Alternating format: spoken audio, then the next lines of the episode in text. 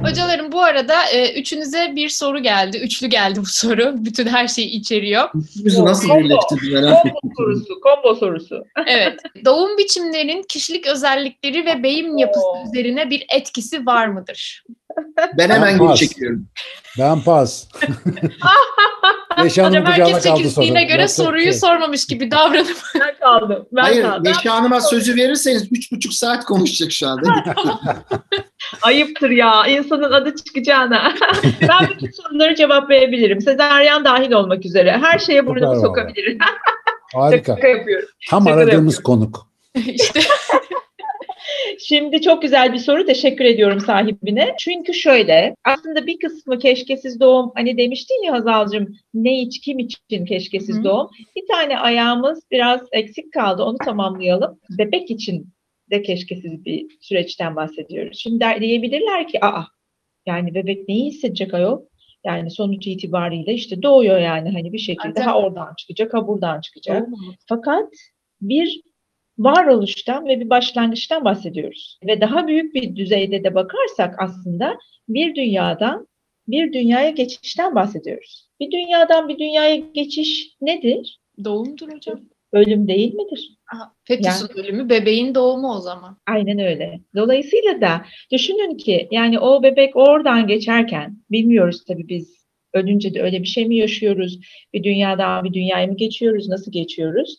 Dolayısıyla da e, tamam bir şey yaşıyor elbette ki ve ondan sonra bakın bakalım nasıl doğdunuz? İşte siz kendi doğumlarınızı şöyle küçükçe bir anlatıldığı üzere bakın ama aynı zamanda da biz biliyoruz ki çeşitli psikoterapötik ekollerle o vücut hafızasına biz çok rahatlıkla geri dönebiliriz. Yani hatırlamıyoruz diye şu anda zannetmeyelim ki biz prenatal dönemi, anne karnını ve doğum anını hiç bilmiyoruz. Biz orayı pas geçtik.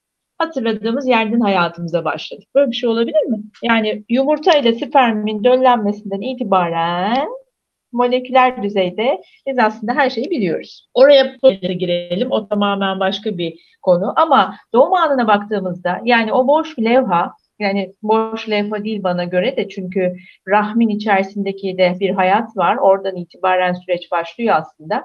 Nasıl bir şekilde dünyaya geldiğimiz şöyle kısaca bir bakalım. Beklediler mi bize? Planlı bir şekilde annemin babamın istediği zamanda mı geldi? Bir şekilde beklenildi. Ben hayatımın en spontan davranışını yani kendi varoluşumu başlatmak için bir tane bir şey, bir belirti gönderdim ve ondan sonra doğumum mu başladı? Aa olmadı acaba bana suni sancı mı verdiler? Dolayısıyla da ilk defa kimyasal bir süreçle mi karşılaştım? Dolayısıyla birazcık aslında iteklendim mi? Biraz motivasyon mu verildi bana? Aa ya da acaba vakum denilen bir alet mi ilk başıma takıldı? Ve dolayısıyla da aslında ilk bağlandığım şey o metal mi oldu? Veya da birazcık böyle benim üst böyle bir bastırdılar azıcık ebe ebe annem veya ebe teyzem bastırdı da hafif gene beni azıcık popomdan itekledi mi? Dolayısıyla da belki de hayata başlarken nasıl bir destek aldıysam ki bunların hiç olumlu olumlu olarak yargılamıyoruz, eleştirmiyoruz. Mutlaka gerekli olduğu zaman yapıldığına güveniyoruz ve bebek de bunu anlar bu arada. Ne zaman hayati tehlikesi varsa o zaman yapıldığını bütün vücut ve bilinç bilir. O andaki bilinç bilir tabii. Ondan sonra bilinç süreçlerimiz değişiyor. Ve dolayısıyla da bütün hayatınızı bir inceleyin bakalım sonrasında. Acaba bir şeyleri yaparken, kararlar verirken her zaman birine mi ihtiyaç duyuyoruz? Nefessiz kaldıysak acaba sonrasında da hep nefesle ilgili problemlerimiz, sıkıntılarımız mı oluyor? Her zaman mutlaka bir şekilde biriyle beraber mi hareket etmeye çalışıyoruz? Her zaman bazen böyle bir geç mi kalıyoruz? Erken mi gideriz? Daha rahat mı gideriz kendimizi? Tek başımamız olmak isteriz. Tahmin edeceğiniz üzere bütün bunların değeri. Şimdi bütün bu kısımları bir kenara bırak. Allah aşkınıza 3-4 yaşından veya nerede 7-8 mi hatırlıyorsunuz? Oradan başlanılır mı hayat? Hani sadece bunu söyleyeyim. Gerisini siz tahmin edin. Dolayısıyla da sen bana çocuk doğumunu anlat. Ben sana kişilik yapını anlatayım diyebilirim yani. Vallahi müthiş. Yani hakikaten bu bu çok önemli bir kısım. Yani ben e, bir fizyolog olarak hafızanın beyinde olduğuna ikna olmamış olanlardanım. Vücutta yaygın bir örüntü olarak bir şekilde depolandığını düşünüyorum. Bir kanıtım yok. Bu konuda iddia eden başkaları da var ve özellikle annenin çocuğun yetiştiği o anne rahmi ortamının anneden sadece gelen pulsasyonları, hormonal dalgaları, kimyasalları, şunları bunları bile aslında bir bellek yüklüyor. Ve anne karnından başladığını zannediyordum ben bu. Yani öyle olmasını umuyorum her zaman. Ama söyledikleriniz o kadar mühim ki hem kendimle ilgili hem kardeşimle ilgili mesela düşününce ufak ufak anlatırken yani hayattaki bu örüntülerin gerçekten karşılaştırılması gerekiyor. Ve bunu yıllar önce bir e, yine rahmetli olan bizim çocukların doktoru bir e, pediatrist hocamızdan duyduğumu hatırladım. Şu anda çok enteresan bir şekilde denk geldi. Çok bilge bir arkadaşımızdı ve buna benzer bir şeyler anlatmıştı. Yani o doğumdaki durumlar daha sonra insanın hayatında da şöyle şöyle etkiler yapıyor gibi. Yani gerçekten çok çarpıcı. Bunun bir bilim alanı var mı bilmiyorum ama Tabii. bir an önce çıkarsa süper olur. Tabii prenatal psikoloji aşağı yukarı 30 yıllık bir süreci dayanıyor. Yavaş yavaş daha da fazla araştırmalar var. E, prenatal işte dediğim gibi e, başkan yardımcılarından olduğum e, ISPPM, Uluslararası Prenatal Perinatal Psikopsikoloji e, ve Tıp Derneği'nin e, birçok makalesi, Doğmamış Çocuğun Gizli Yaşamı kitapları, Rahmin Penceresi, Thomas Verney'ler, William Emerson'lar, e, yani bütün bunların hepsi hakikaten 30 yıldır, çok tabii 30 yıl çok küçük denilebilir elbette. Yani 100 yıllık tıbba baktığımızda. Ama böyle bir alan var ve çok da değerli bir alan. Şunu da belki iletmek gerekiyor aslında. Bu hücre hafızası dediğimiz buralarla ilgili daha bence çalışmalarımız lazım. Benim en çok hayalimi söyleyeyim. Belki buradan bir şekilde bir şey çıkabilir. Çünkü ben anne rahminin yani rahimdeki o prenatal dönemin kayıtlarının bunu söyleyeyim. Söyleyeyim Hakan hocam değil mi? Çünkü bunu Burada- çok merak ediyorum Serbest. gerçekten. Yani e, oradaki rahmin içerisindeki hayatın plezenta var ya içeride. Bir de bebek var ve plezenta var değil mi? Şimdi plezenta halk arasında ne diye geçer? Eş. Yani göbek bağıyla da plezantaya bağlı ya bebek. Öbür tarafı da anneye bağlı. Bütün besinler, bütün psikoloji, sinapslarla, nöronlarla her şeyle taşınıyor ya. Şimdi dolayısıyla da benim en önemli düşündüğüm şey ki daha nasıl ispatlarım hiç bilmiyorum. Ana rahmindeki hatıraların bir kara kutu gibi plezantada olduğunu dair çok önemli bir inancım var. Eee ve fakat Çok yani önemli o bir şey yapıyorsunuz. Bu arada bizi dinleyen arkadaşlar eğer arada akademisyen adayları varsa özellikle. evet, Bakın bilimde büyük hipotezler böyle sanrılarla başlar. Önce bunlar sanrıdır. Ama birisi gösterirse o zaman onlar hipotez ve teori olur daha sonra. Yani Evet. biz böyle şeyler zannediyoruz. Benim biraz önce söylediğim de öyle bir sanrıydı. Ben de öyle zannediyorum. Öyle olması gerektiğini düşünüyorum.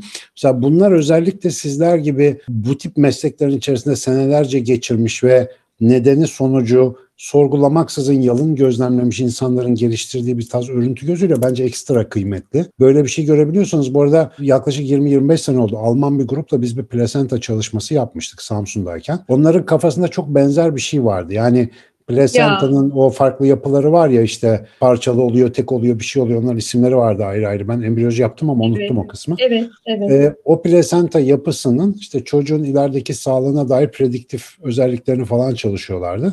Ve işin içinde biraz böyle uçuk düşünen Christoph diye bir arkadaşımız da vardı. Sonra ne oldu bilmiyorum bizim irtibatımız kesildi ama bu fikir arkada bir yerde oluyor. Çok da makul, mantıklı ve özellikle eş vurgusunu çok beğendim. Yani gerçekten çocuğun belki de bir karbon bilinç kopyası gibi bir şey olabilir orada. Vay Evet. arkadaş nereye geldik? Doğum konuşacaktık bildiğin teorik biyolojiye Ben sizi yani. uyardım. Ama siz de enteresanmışsınız ne diyeyim ya. Ya bu arada bir şeyin altını da çok çizmek istiyorum. O söz beni hep heyecanlandırdı. İkidir duyuyorum sizden özellikle Neşe Hanım'dan. Bu doğumun şöyle böyle olması, anne karnında şöyle böyle maceralar geçirilmesinin olumlu ya da olumsuz olarak nitelendirilmesinden vazgeçilmesi gerektiği olduğu gibi kabul edilmesi şundan önemli.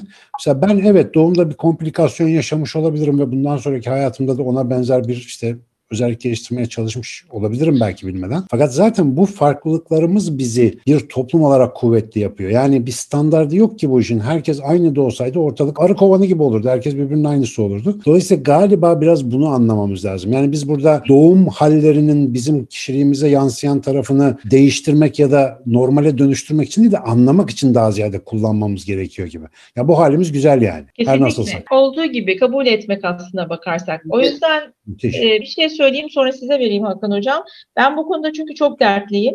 Yani ne zaman ki hani bunu anlatmaya çalışsam sezeryan annelerinin kendilerini savunmaya çalışma hallerinden bir müdahale olduysa ama hocam aslında işte hani çatım dardı, suyum azdı, e, bıttır zıt yani hani bir sürü hani şeyler söylenmesinden çok üzüntülüyüm ve bunun kesinlikle bir grup olabilir. Radikal böyle bir gruplar olabilir. Ben onları bilmiyorum. Ama işte o yüzden keşkesiz doğum.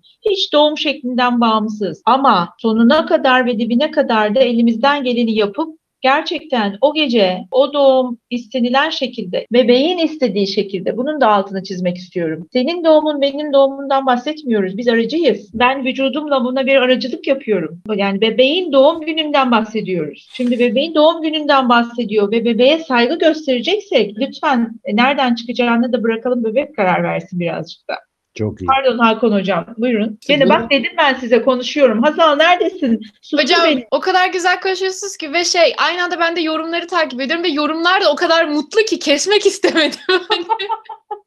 Evet. şey zannediyorlar bazen. Keşkesiz doğum deyince e, kolay doğum, çabuk doğum, pıt diye doğum, hiç acısız doğum. Hiç öyle bir şeydi ya. Bizim doğumlarımız bazen 3 gün sürüyor, 4 gün sürüyor.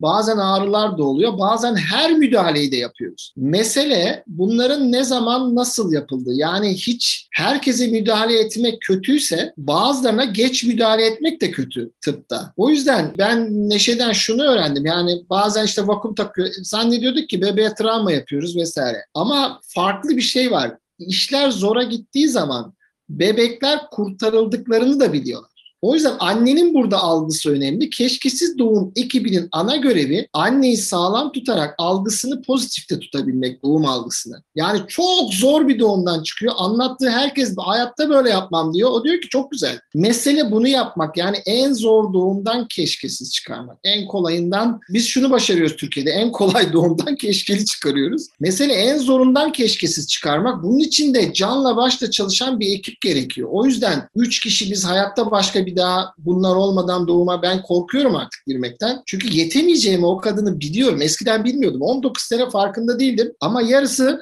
çıkınca doğumdan mutsuzdu yani. Her şeyi de yaptım kardeşim ben. E, ama ya yetemem ki. Ben yetemediğimi bilmiyordum. O yüzden şu anda doktor arkadaşlar bizi dinliyorlarsa onlar da aynı duyguyu eminim yaşıyorlar. Yetemeyecekler de ya bunun yolu yok. İşte keşkesiz doğumun işi bu. En zor doğumdan da keşkesiz çıkarmak. Bu da ancak ve ancak ekip çalışmasıyla oluyor. Üç kişilik ekip herkesin de görevi var ve farklı olan yani sistemdeki çalışmadan bir farkı var. Sistemde nedir? Patron doktordur. Ne yapacağını söyler ekibi onlar da yapar. Hayır bizde herkes profesyonelliği içinde özgürdür serbesttir, otonomiktir. Gerekirse bana hayır deme hakkı vardır. En son sözü tabii ben doktor olarak sorumluluğun ana sorumlu olduğu için belki söyleyebiliyorum bazı acil durumlarda ama onun dışında üç kişi birden karar veririz. Yetmez anneyi içine alırız, yetmez bebeği alırız, yetmez babayı alırız ve hepimiz ya ben 12 yıldır sezaryen kararı almadım mesela. Hep anneler aldı. Anlattım sadece. Bilgilendirilmiş onam dediğimiz bu zaten. Ne yaptım? Bak burada burada riskler altı devam edebilirim ama sonra beni suçlama. Onlar karar verdi. Evet sezaryen burada mantıklı ve gülü oynaya gene şölen olarak gittik. En üzüldüğüm şey doğum için odaklanan odaklanan değil. Nedir o? Doğuma böyle takılmış bir grubumuz var. Ayrı bir grup o da. Sezaryen olunca ağlaya ağlaya gidiyor. Yani ama o da bir doğum. Onun da bir kutlanması lazım. Ve sırf doğuma odaklandığı için B planını hiç yapmamış ve sezaryanda duvara tosluyorsun. Yani hiçbir plan yapmamış ne olacak ne edecek çocuk ayrılıyor gidiyor bir de daha da yıkılıyor. Halbuki her doğuma hazırlanan sezaryana da hazırlansa bu olmayacak. O yüzden keşkesiz doğum doğuma hazırladığı kadar sezaryana da hazırlıyor. Tamam. Ne diyorum rahatladım ya. Vallahi doğum yapasım geldi yani.